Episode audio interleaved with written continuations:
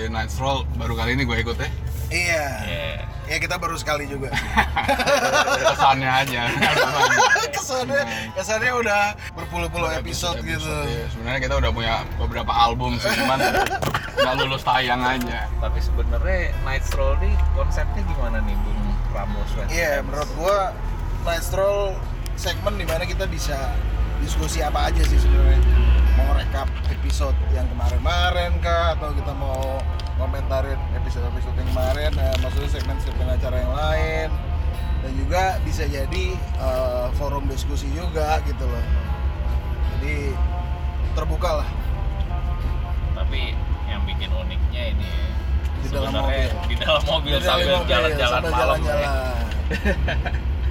menarik menarik terus hari ini kita bahasan kita apa nih Kemarin sih gue dapet kiriman artikel dari Bung Able ya. iya juga.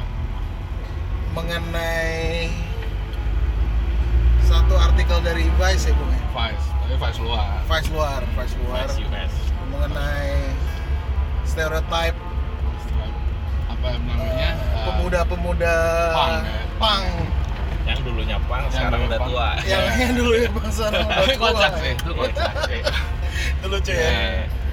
jadi yang gue temuin dari artikel itu tuh cukup apa namanya ada yang tadinya sih gue cengar cengir aja jadi ada yang jadi barberman gitu ya. Oh. terus dia ngumpulin pin enamel gitu dia masih bikin apa namanya eh, yang lanjutin lah Lanjutin. apa namanya hobinya dia gitu kan kan ngumpulin lanjutin kultur yang mungkin Hmm. waktu dia jadi pang tuh DIY kultur Iya. DIY-nya DIY-nya. masih dia bawa setelah dia umurnya Hmm. makin tua gitu Iya. Terus juga ada jadi suburban dad gitu kan. Suburban Dad. Nah, jadi, jadi mungkin tinggal di pinggiran kota, ngomong anak. ngomong gitu. anak Nggak tahu kerjaannya apa gitu ya. Ada juga yang jadi crossfitter gitu ya, cowok-cowok yang mungkin ada di gym apa Ah. namanya, mainan crossfit gitu. Ya ini absurd masa sih absurd. iya. Iya. ya mungkin di Amerika kayak gitu ya nggak Nah. tahu lah ya di Indonesia Ya, kayak kayaknya kalau di Indonesia sih ya nggak tahu sih mungkin dengan dandanannya bisa kita identifikasi kayak Iya. pang gitu tapi belum tentu semangatnya pang nah makanya gue sendiri pengen tahu lebih lanjut sih pengen bahas sama lo semua nih gitu Hmm. sebenarnya pang nih apakah dia ideologi kah apakah dia hanya sebatas fashion kah? Dia apakah sebuah subculture atau an- ataukah dia anti culture atau apa gitu? Nah sebenarnya pang nih apaan kan? Yang ada kalau zaman gua dulu ya inget-inget main katakan ke blok M. Terus ada anak-anak pakainya hitam-hitam tempel-tempel sana sini rambutnya mohak diwarnain yang warna-warni gitu terus ada tindik sana sini tato gitu Hmm. ya gue ngertinya mereka kriminal Iya. takut gue karena anak jalanan Nah, gitu ya. anak-anak jalanan ya kan dan terus juga kalau eh, gua naik bus adanya ya takut dipalak aja sama mereka-mereka ini tapi Hmm. apa iya pang itu identik dengan kriminal gitu kan dan gua dan ini kan menurut gua apa ya gua nggak akan bisa mahamin mereka kalau gua nggak jadi anak pang karena ya udah terlalu unik aja gitu dengan dandan mereka. Cuman yang gua herannya eh, hari-hari sekarang banyak orang juga mengadopsi dandanan pang. Gitu. berarti kan pang menjadi populer menjadi mainstream gitu. Tapi apakah punk itu menjadi luas gitu jadi ya. luas gitu kan. Itu yang mungkin ya bisa kita dalemin lah. Gitu. Nih kita muter-muter mau ke mana sih? Kita nih ya itu apa namanya katanya ada narasumber ya kan? Ya, kita menuju narasumber. Oke oke kita mencari kita tapi sebelumnya kita gali dulu nih apa yang kita mau omongin kan? Oke oke. Nah ya kalau menurut gua punk itu eh, bukan menurut gua sih tapi lebih dari apa yang gua nah rasain gitu ya. Emang punk tuh konotis, eh, konotasinya udah buruk itu. Hmm. di anak-anak pang itu ya begitu. Apa namanya gue inget banget waktu zaman zaman mau mau baru buka di Jakarta gitu kan wah kok tiba-tiba nih banyak apa berandalan-berandalan semacam itu gitu loh dan mereka emang eh, apa namanya entah kenapa mendemonstrasikan eh, semangat rebel semangat rebel gitu. pemberontakan. pemberontakan gue bingung juga eh, ngelihatnya tapi so ada apa udah ter terekam di benak gue juga dari cerita teman juga ya kalau mereka tuh suka malak minta duit. Gue juga pernah waktu itu. Kayak eh, ya gue sih jalan aja kan di depan mereka gitu tapi ternyata tuh eh, eh, di sweet sweetin di sweet atau apa dimanggil gue cuman gue ngelengos aja jalan Iya. gitu loh. Nah terus sampai sampai katanya sih teman gue yang di belakang gue tuh sampai sebel sendiri orang gue cuma kayak ditendang dikit gitu eh, kakinya. Cuman akhirnya gue Ser- serem juga ya ini. Cukup abusive ya.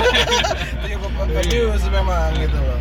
Jadi jadi kan ini kan semakin membingungkan gitu kan. Sebenarnya punk tuh aliran musik atau gerombolan kriminal yang menciptakan musik kita kan jadi serba bias gitu ya. Serba bias Iya. banget, Nah, benar, ini benar, kita benar, udah benar. sampai ke oh di sini nih iya iya oke Nih. coba kita panggil dulu orangnya Cie.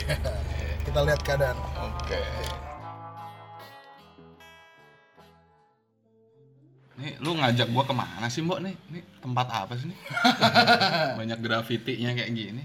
apa ya epicentrum Gue juga janjian sama temen gue, hmm. si Fahri. ya Ya. Dia bilangnya sih di daerah Fatmawati. Nah si Fahri itu yang jadi narasumber kita Oh gitu. tadi kan kita lagi ngomongin tentang pang Nah, dengan eh, apa namanya segala kriminalitasnya tuh terakhir. segala segala interpretasinya Nah. Biar intelek dikit lah, ya, interpretasi. Gua mah taunya Pangkasepna. Eh, paling ganteng. Yang jelas bukan aku. halo halo Fahri Almaut sebutannya bener nggak namanya Benar, itu nama pemberian. orang tua Enggak dari dari Shiba. Gua nama Almaut gue curiga nih gotik-gotik gitu ada Almaut. Gue ya. pengennya sih Almeong. kan enak Almeong. Nah, nih gimana nih Bung Fahri apa kabar nih Bung Fahri? Ya gini-gini aja bro. Ini udah terakhir kita ketemu di sebuah galeri komersil Di tempat kerja. di tempat kerja. tempat kerja Yang entah ada di mana, yang jelas rame banget tiap hari ya kan. Dan orangnya aneh-aneh datang. Oke, nah tadi tuh kita tuh bertiga tuh udah ngobrol nih soal pang. Terus ada pertanyaan, kan ya cerita-cerita zaman dulu lah kalau ya mungkin agak sedikit ngulang yang tadi. iya Kalau kalau gua ke Blok N ketemu anak pang tuh kan ngeri. Konotasinya dipalak lah gitu kan. Terus jadi negatif. dapatnya adalah ya pang kriminal kan gitu kan. Nah terus si Rambo ada apa namanya ya udahlah kita keliling-keliling mampirlah sini sekalian mau nanya lo nih gitu. Ya gue harap sih ya katanya sih nih tempat nih tempat epicentrum katanya gitu nih epicentrum. Cluster COVID. cluster. Covid pang 90s nih ya kan? Nah cuman ya tanpa menyebutkan bahwa kita sebenarnya apa gitu artinya ya gue nggak tahu sebetulnya pang itu sebagai identitas tuh kan banyak nih orang-orang eh gue anak pang dandanan gue begini begini begini supaya gue disebut pang tapi ada juga orang yang dandanannya biasa aja. Tapi yang gue lihat dia melakukan DIY di rumahnya apa-apa dikerjain sendiri. Terus dia independen. Udah pokoknya single factor ke mana-mana. Nah menurut gue nih juga ini ideologi Jepang masuk di dia nih. Tapi dandanannya kagak anak pang nah itu gimana tuh kasus-kasus kayak gitu? Dan dia juga nggak kriminal gitu. hidupnya maksudnya beres dan dia punya semangat yang maksud gue nih wah ini keren sih gitu. Hmm, hmm, hmm. nah. Nah, nah. Nah makanya kalau mau ngomongin pang juga gue sebenarnya kayaknya orang yang salah buat diwawancara. lu lu ngapain di sini? Lu kan ada di epicentrum tuh gitu. Nih gue cerita dikit ya. Dulu Ah. gue tinggal di, gue lama tinggal di Bandung dari SD kelas 6 sampai gue kuliah. Dan gue di DO dari kampus. Gue. waduh. Ini, ini off the record ya. Nanti. Nah justru, nah gue dulu awalnya dengerin lagu tuh lagu-lagu klasik rock sebenarnya Hmm. dari bokap gue Hmm. nah pertama kalinya gue tahu soal punk tuh dan setelah itu gue nggak peduli juga Hmm. Ah. itu pas gue eh, SMP kelas 1 waktu itu Hmm. gue kalau dikasih sama nyokap gue kan bajunya kemeja kotak-kotak gitu Hmm. sama Ah. celana jeans Oke. terus gue waktu itu gue lagi ikut apa ya PMR kalau nggak salah. Hmm. gue harus ngebotakin rambut gue Ah. gue lewat lah itu kalau di Bandung tuh ada namanya Taman Dinosaurus. Nah itu tempat anak-anak pang nongkrong. Oh, Oke. tiba-tiba ada yang mepet gue kan. Hmm. lu anak mana? Skinhead ya? Anjing gue Akhirnya gue langsung apaan skinhead? Apaan? Iya, gitu iya, iya. apaan itu skinhead? Nah dari situ gue dari situ setelah gue dipalak gue baru tahu ah ada namanya pang skinhead. Terus ada ya pang apa namanya pang anarko yang kayak gitu gitulah oh dan mereka tuh saling bermusuhan. Oh, oke. terus gue cuma tahu ah, anjing. Identitasnya. dan gue waktu itu anak les banget. Anak les banget. Jadi les apa nih? les musik. Les musik. jadi pas gue denger anjing ini lagu apaan? Cuma tiga kunci doang nyanyinya nggak jelas. Terus gue dengernya kan klasik rock kan. Iya, iya, iya. anjing nggak ada melodinya. Jelek. Gitu gue nggak masuk. Iya, masuk banget nih. enggak gue sesnob itu gue dari masih kecil udah abis itu gue nggak sama sekali nggak dengerin pang sampai gue kuliah gue ketemu si eh, gitaris tiga vokalis gue sekarang si Deta dia udah dengerin ini Misfit aduh tempang ya Iya. Lu agak ragu ya Iya. awalnya. anjing enak banget apa nih Misfit Oh. oh horor oh anjing keren kata gue Malah lo demen ya. Setelah denger gue iya terus waktu itu gue lagi malas ngulik melodi karena bosan Bosan. Iya, pasti ada fase-fase itu tuh seorang Iya. gitaris tuh Iya. pasti gitu. Ah, udahlah. Waktu Udahlah, itu gue yang sempat apa namanya ikut forum gitar gitu. Tipikal banget lu suka Steve Vai, lu suka Joe Satriani, lu pasti ikut forum gitar. forum gitar. Terus gue kecewa gara-gara anjing ini masuk forum orang kayak pendekar silat ketemu pendekar silat. ini orang mau belajar apa mau apa sih? gua. Pamer ya jatuh-jatuh. Iya jatuhnya kalau setiap ketemu-ketemu tuh, aduh kayaknya enggak deh, enggak enggak enggak ini banget. Ya udah dari situ gue ah pang ini enak kayaknya lebih apa nyantai. Nyantai. Udah dari situ gue juga perkembangannya nggak sampai yang terlalu apa ya, nggak terlalu sampai ngedalemin gimana soal musiknya gitu. Bahkan kalau ditanya new wave pop post punk, Nah, gue gue nggak bisa nggak bisa lo nggak bisa jelasin. nggak bisa nggak bisa terlalu jelasin terlalu dalam gitu. Iya. Aceh punk gitu. Hmm, hmm. Soalnya emang gue pada dasarnya bukan bukan nggak nggak nggak terlalu ngerti di situ. Mungkin temen gue yang lain di band lebih ngerti lah ya. Iya, iya. cuma gue nggak sampai uri tuh. Dia pasti ngerti itu. Soalnya kan dia ngulik banget kan. Iya, dia iya. ngumpulin eh apa namanya? Artikel atau ya dia buku-buku? ngumpulin zin. Zins. terus ngumpulin apa rekam apa CD, CD, dia CD. kaset lengkap banget. Uri pasti lebih paham soal itu Nah iya ngomong-ngomong kan kita lagi di tempatnya Fahri yang namanya Rossi. tempatnya ini Shiba Oh tempatnya Saiba ya benar. Nah ini emang apa namanya eh, ya yang gua tahu sih sejauh gua tahu memang banyak kan anak-anak pang ada di sini dan termasuk gue cuma mau nanya ini sih sebenarnya si Ipul tuh masih suka ke sini ya sih ibu masih? Ipul ya masih. Si Ipul itu Syaiful itu dia drummernya band Uri yang sekarang. Oh. Massacre setahu gue. Ya. Gua ya? dulu dulu punya band juga gak sih dulu? Si Ipul tuh? Si Sebelum Ipul kan ada ini Vengeance. Oh, hardcore ya. iya. Nah mungkin nanti ya kalau kita masih mau ngomongin pang kita bisa iya nge-track ke kalau Ipul ke sih. Iya, soalnya kalau lebih itu kepang tuh gue kayak Ya berhubung kita di daripada gue sok tahu daripada gue sok tahu Nah itu eh berarti pendekatan pengalaman lu pertama sama Pang Ri ya? dipalak Eh, dipalak juga. eh gara-gara dipalak itu Gara-gara kan dipalak itu ya? dikira anak skinhead Oh, oke. padahal mah ya, Emang- masuk PMR anjing Memang sejarahnya di mid 70s itu ya. Aha. Emang skinhead dan punk itu bermusuhan di Inggris. Oke. Jadi emang sejarahnya tuh dari rootsnya di Inggris tuh gitu gitu. Berarti pengalaman pertama Bung Fahri sama Pang tuh dari komunitasnya ya? Dari komunitas. Dari segi komunitas dia tahu nih a- a- Ah, apa jadi- namanya ada dua kubu gitu ada ya. dua kubu. Jadi pokoknya gue lihat waktu itu lagi diangkot mau berangkat sekolah ada mas-mas pinggir jalan lagi ngelem ibon Iya. si rambutnya jadi runcing-runcing. Gila, gila, gila. Nah itu pasti berantem sama yang botak-botak. Botak. Iya, botak. botak. Kebetulan waktu itu gue berdandan kayak yang botak-botak. Padahal, Oh. padahal sama-sama pakai sepatu bootsnya biasanya gitu. Gitu. Sama Bang tuh sama merek sepatu bootsnya. Tapi itu mesti didalemin juga itu di Indonesia atau di luarnya emang kayak gitu juga cuman karena gini setahu gue di Mhm. UK itu dulu ada gerakan lah tahun 70-an namanya rock rock against racism Nah, waktu itu setelah kalau nggak salah setelah tahun 77 lah setelah pang tuh naik pecah lah bilang di Inggris. Nah itu ya ada kan di situ kondisinya konteksnya negaranya lagi ekonominya jelek Iya. terus eh, kayak Amerika sekarang ada racial tension nih gede lah gitu. Tensi-tensi. Saat itu Margaret Thatcher ya? Iya. Ya, Margaret Thatcher. nah itu Perdana justru anak-anak ada sebenarnya lebih ke konser ya konser itu buat promote tentang solidaritas lah gitu. Nah itu beberapa komunitas punk dan komunitas yang musiknya bisa dibilang eh, skinhead lah katanya itu bikin ya main ngumpul bareng di situ. Nah itu ada ada ininya juga lah ada sejarah Jadi ada lainnya sejarah. juga. Mungkin- yang mungkin kita ada oikumene-nya gitu ada katakanlah apa namanya. Ya dia bikin gigs bareng dan dan tetap tetap temanya sama gitu anti pemerintah gitu Anti pemerintah. Nah, itu, itu yang khas gitu Iya, jadi tadi Bung Fari pengalaman pertamanya dari komunitasnya, terus mulai masuk ke genre musiknya, ya kan, genre musik punk. Nah itu jadi definisi punknya tuh sebenarnya mulai terbangun kan. Sampai sekarang nih kayak gimana? Eh menurut lu punk tuh menurut lu gimana gitu?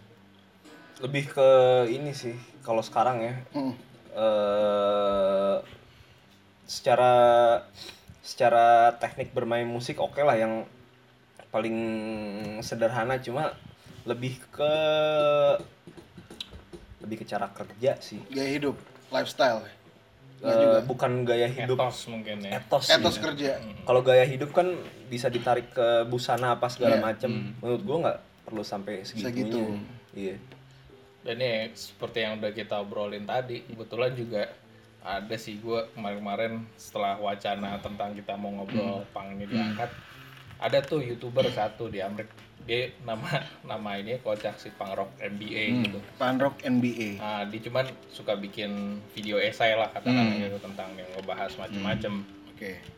Ya dia juga bilang sebenarnya yang bisa di yang secara apa ya warisan atau legasinya pang yang masih ada sampai saat ini adalah ya etos DIY itu gitu bahwa lu bisa lu mau ngelakuin sesuatu ya lu selama lu ada niat dan ini ya lu bisa lakukan gitu lu bisa mulai gitu. Karena kalau dia ya itu ini di luar di luar konteks cuman dia bilang ya secara musik sebenarnya pang stagnan sekarang nih gitu. Iya udah nggak ke mana-mana lagi sih. Soalnya emang paletnya ke- kayak kalau lu mau gambar palet warnanya ya udah. Tiga mentok Udah- di udah mentok ya. kunci daun ya ada yang balik-balik tapi rata-rata kan pasti emang aduh gua nggak bisa bolak-balik gua downstroke doang deh ini gitu kan. Ya, nggak usah belajar les vokal yang enggak ya gitu emang lu nggak tergantung sama kursus musik. Iya, iya, apa yang bisa lu dapat di sekitar lu. Tapi kan dalam hal ini udah ada internet Iya. bisa belajar sendiri semua teknik bisa lo dapat jadi itu juga sebenarnya gak menutup kemungkinan tiba-tiba pangrok tekniknya jelimet gitu karena emang akses buat lu belajar sendiri udah gampang banget sekarang Hmm. kalau gua dulu pengen gue dulu suka banget ini anjing malu-maluin ingwi Ingwi. Iya, tapi sebagai gitaris ya pasti inilah iya ya. sebagai legend. ini sebagai apa namanya sebagai dulu gue lihat anjing Gitar hero. keren banget gitar hore banget dulu karena gue belum belajar ngulik lewat kuping, Kuping. bayar gitu Lu tap. dulu di Bandung ada mall namanya BIP sekarang juga masih ada lu, lu main kayak ke game center gitu Enggak, dulu ada emperan BIP Hah? Dia satu emper jual fotokopian buku musik oh gue kira lu model yang kayak sega sega gitu main harganya Jauh-jauh itu belum. kan. itu belum ada Belum Belum ada, belum ada itu. ini. udah beyond itu oh berarti gue muda sekali harganya waktu itu satu satu buku fotokopian tuh dua puluh Dua puluh ribu. dua puluh ribu seharga kaset Isi it, eh, tap atau kayak Sema ya tab lah. ya. tab dan notasi Oh, oke. Jadi jadi, ada- kita belajar juga tuh. jadi tergantung lu dapat fotokopian yang mana kalau fotokopian bagus sampai drum sampai bassnya lu dapat satu aneh. layer-nya. Dapet itu ya. iya seben seben Iya. satu fotokopian dua puluh ribu jadi kalau ntar gue beli satu album gue harus nabung tuh gue beli kasetnya Mm-mm. waktu itu rumah gue tinggal jalan dari Aquarius Dago Oh. gue gue ke Aquarius beli kasetnya, Beli ntar kasetnya. gue bela-belain nabung gue jalan BIP gue beli bukunya Mahalan bukunya ya kayaknya ya. Iya. Dua puluh ribu daripada kasetnya. Kasetnya dulu kayaknya cuma sebelas ribu deh. soalnya nyarinya, gua. nyarinya susah buku itu Oh gitu. buat nguliknya tuh tapi tapi justru itu Pasti kan sih. ngulik ingui anjir Ju- justru justru kita menjadi ngulik kan karena kelangkaan sebetulnya Betul. Ya, iya iya benar Iya. karena kelangkaan kan dengan kalau hari ini nih segala sesuatu yang udah lu hanya sekedar menjentikan jari apa saja jari, iya. langsung ada di Google kan gitu Betul. kan terus waktu itu gue punya dor apa punya tekanan juga karena gue awalnya belajar piano kan piano kan dari alat musiknya juga Hmm. itu kan harus harus tegas gitu Harus tegas. nggak boleh ada kesalahan not Iya. Hmm. nggak boleh falas apa gimana jadi gue juga nggak mau yang dulu gue nggak mau yang ngulik ini tuh bener harus note per note tuh harus bener otomatis harus ada partitur jadi gitu ya beli fotokopian nabung Baru nyadar gua. Ternyata lu berangkat dari situ ya. terus kalau misalnya ada dulu Aquarius koleksinya kurang lengkap tuh buat lagu-lagu keras Iya. Aquarius Dago tuh. Jadi gua- kadang-kadang kalau gue ke Jakarta gue ke Distara, Distara. anjing banyak banget. Baik banget. dan gue jarak kan sus- susah dulu Bandung Jakarta kan berapa jam tuh? Dan nggak Empat, empat zaman dulu. iya nggak nggak bisa selalu kan gue jalan-jalan. Jadi ada radio dulu di Bandung namanya JMR Nah, itu dia muter-muter lagu klasik rock blues ya ya lagu om-om lah. Ah, lagu lagu-lagu salah zaman.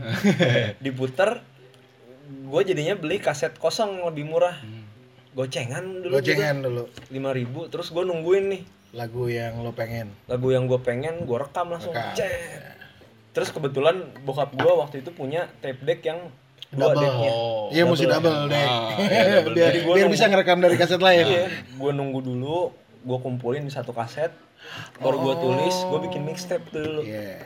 jadi lu sudah bikin mix- mixtape di saat Dan gue nggak ya? nyadar itu istilahnya mixtape. Iya kita dulu gak nyadar. belum Gua nggak ya nyadar. emang istilah mixtape tuh baru-baru aja sih gua taunya itu tapi eh, kalau ketika kita melakukannya ya Heeh, benar. itu nggak kita mengkompilasi Iya, nyari iya, iya. apa bahkan itu kayak semacam ada ritual tersendiri lah untuk nungguin Bahkan ada lagu yang kita saatnya suka gue gitu ya. inget banget tuh, waktu itu gue juga suka ini Gary Moore. Ada satu album Gary Moore yang susah banget Ah. Hmm, susah namanya banget. Blues Alive. Oke.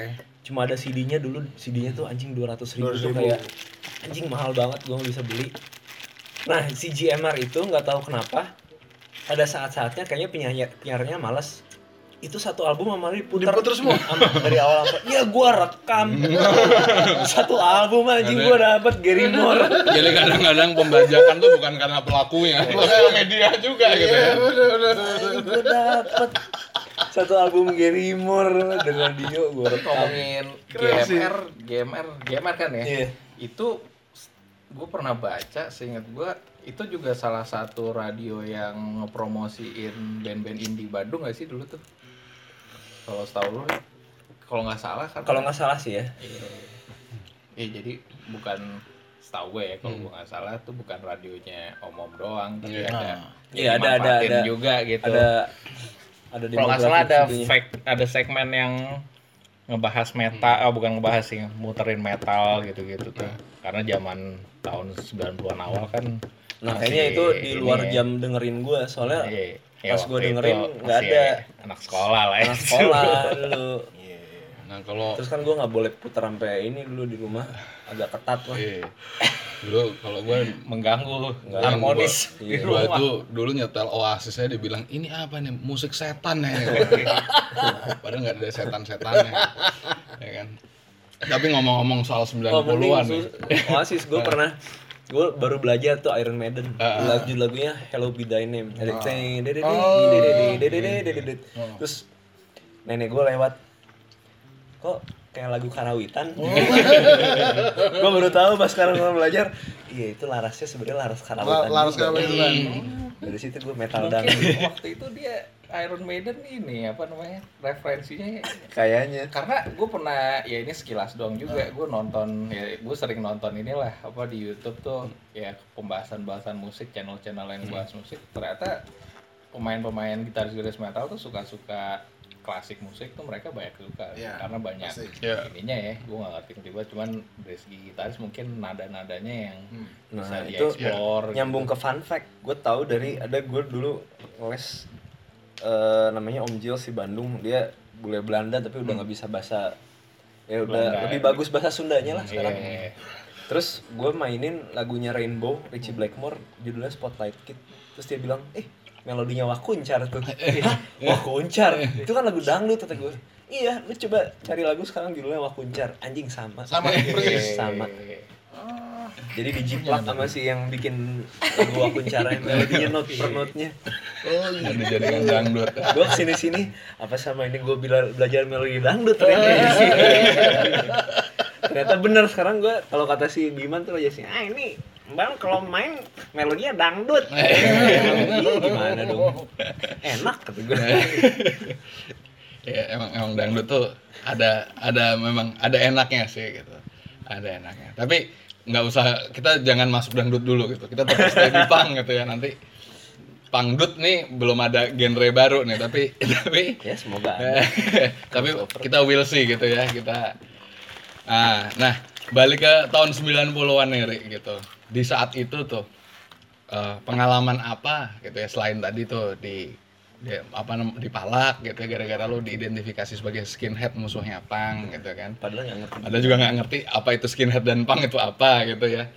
Tapi kalau dari band-bandnya sendiri kan 90-an ini kan eh, eh, di Amerika itu misalnya dari rombongan Seattle tuh grunge itu sangat naik gitu ya. Terus eh, di UK sendiri ada Oasis ada banyak lah gitu. ada Blur ya yang Blur tuh juga komersial gitu ya nah yang gue identifikasi kalau di punk itu saat itu ya gue inget-inget tuh Green Day, No, Iya, iya, no Green FX Day, gitu ya, Blink, Blink udah Ah, late 90s udah late 90s ya itu ya. iya itu terakhir Nah, tapi kan sebetulnya itu kalau ternyata gue cek tuh kemarin gitu ya, gue sempat ya sebelum kita ngobrol-ngobrol ini gue sempat sempat baca-baca wiki-wiki juga sih gitu. Ternyata itu sudah bukan generasi punk yang rootsnya bahkan. Kalau misalnya dilihat dari tahun eh, tengah 70-an kemudian di 90-an muncul lagi punk kan seolah ada semacam ya spirit revivalnya gitu ya. Hmm. Nah, kalau lu apa namanya eh, bersentuhan nggak tuh dengan dengan band-band bersentuhan Punk Green Day yang paling masuk gue album Nimrod ya Hmm. yang ada muka orang terus Hmm, dicap iya. kuning itu Hmm. iya Nimrod gue yang paling masuk setelah itu gue nggak nggak ini lagi Hmm. soalnya apa namanya ya itu gue gue kan lebih seneng ke musiknya Mm-mm. sebenarnya Iya, buat gue itu musiknya yang paling masuk, Masuk buat gue itu ya. iya entah kenapa tapi ya entah kenapa juga oh, semangat DIY-nya juga lo jadi lo implementasikan juga gitu kan kayak Iya, secara nggak sadar. Secara nggak sadar. Nggak sadar. Nah, kan kan yang menarik kan gini kan. Kita dengerin punk terpisah, Iya. tapi kita juga melakukan DIY ya juga karena keterbatasan dan Betul. ada sebuah lingkungan lah yang Iya. menyebabkan kita DIY. Tapi kan kita belum berkenalan dengan punk kan gitu iya kan. iya Kan kan padahal punk pun juga lahir juga gara-gara ya ada masalah yang sama. Katakanlah susah beli tadi tuh apa namanya partitur, Iya. susah apa namanya dapetin mungkin punya musik tapi susah nembus label gitu ya. Sehingga ya udahlah susah-susah mendapatkan pendidikan musik pendidikan misalkan. musik misalnya gitu kan ya. Iya. itu kan banyak faktor gitu dari keterbatasan keterbatasan keterbatasan itu gitu Gue termasuk yang beruntung sih dulu dikursusin teori. Iya, iya, benar. Tapi itu dia pas lu udah ngerti teori, lu nggak bisa beli bukunya kemahalan. Iya fotokopi. ya, itu kan. Zin kan jadi fotokopi kan. Iya iya iya benar benar bajak lagi, bajak lagi.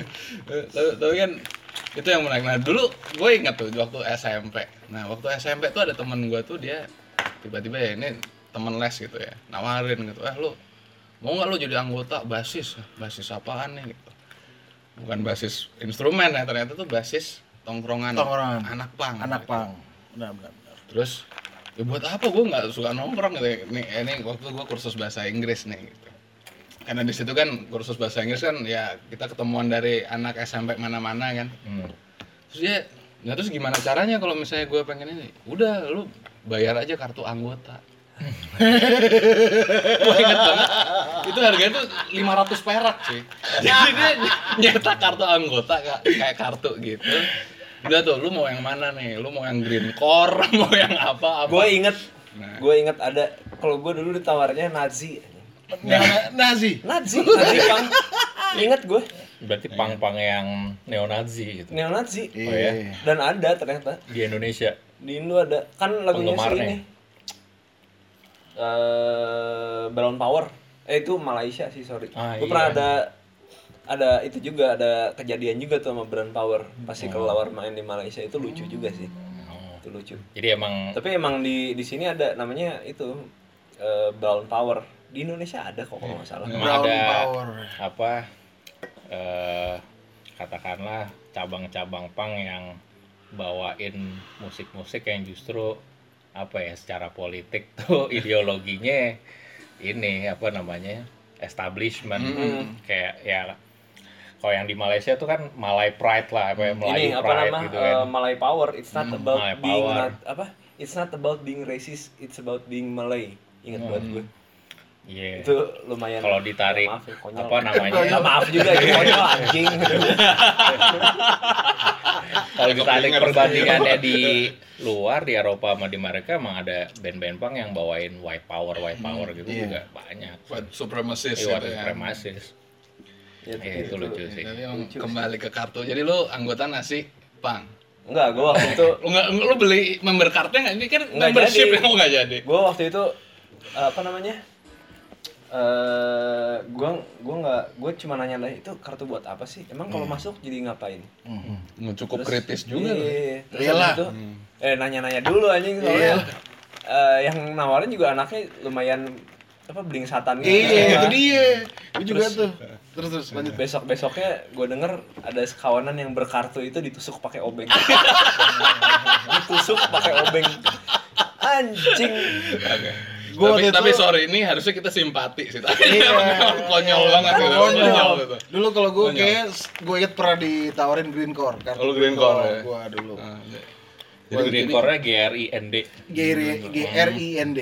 dan, dan gue gue inget banget tuh di belakang di baliknya gitu ada tulisannya apa ya the life of bastard bukan bastard Iya. bastard gue saat itu belum apa namanya ngerti bahasa Inggris banget sih gitu ya Nah. seperti sekarang tapi ketika gue inget-inget tuh anjing gue buat apa juga satu beli membership itu karena itu di data cuy gitu maksudnya gue gue disuruh kayak ada ada forward data tapi gue gak pernah nongkrong gak pernah apa ya udah punya kartunya ya buat nolongin temen lah ya saat itu Iya.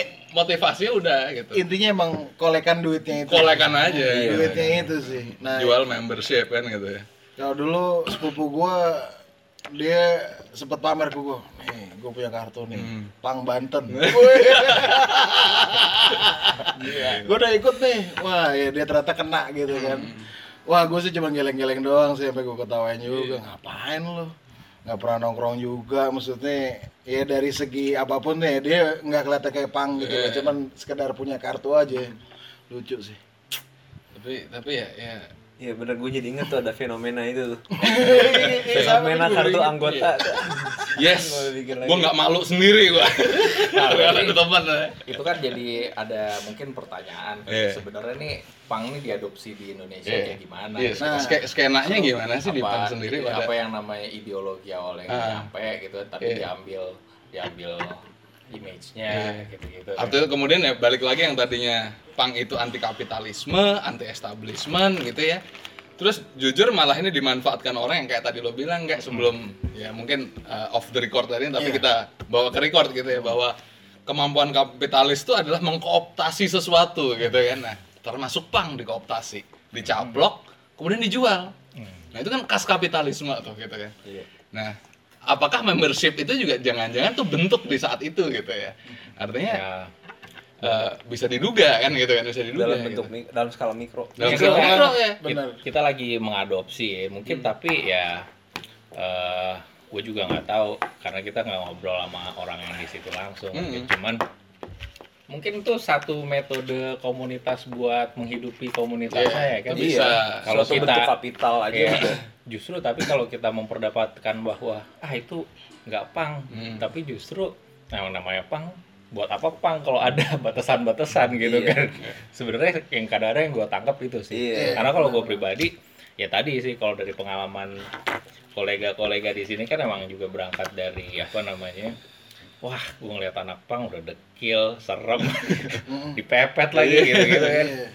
gue juga ya gue nggak sampai dipalak sih. Cuman ya pengalaman gue zaman SD SMP lah. Ya kayak gitu juga gitu. Dan kalau apa ya tentang apa sih sebenarnya pang ya gue baru juga belajar ya bela- bukan belajar ya. Ngulik. ngulik waktu kuliah sih. Terutama waktu itu di Bandung. Bandung lu kenal ini nggak? Atau pernah denger namanya Pak Muji Slamet ada Ada itu gue teman kerja itu. oh iya di dia, dia sebelumnya. sekarang kerja di galeri-galeri juga kan Udah, udah senior lah kalau di Iya. galeri-galerian.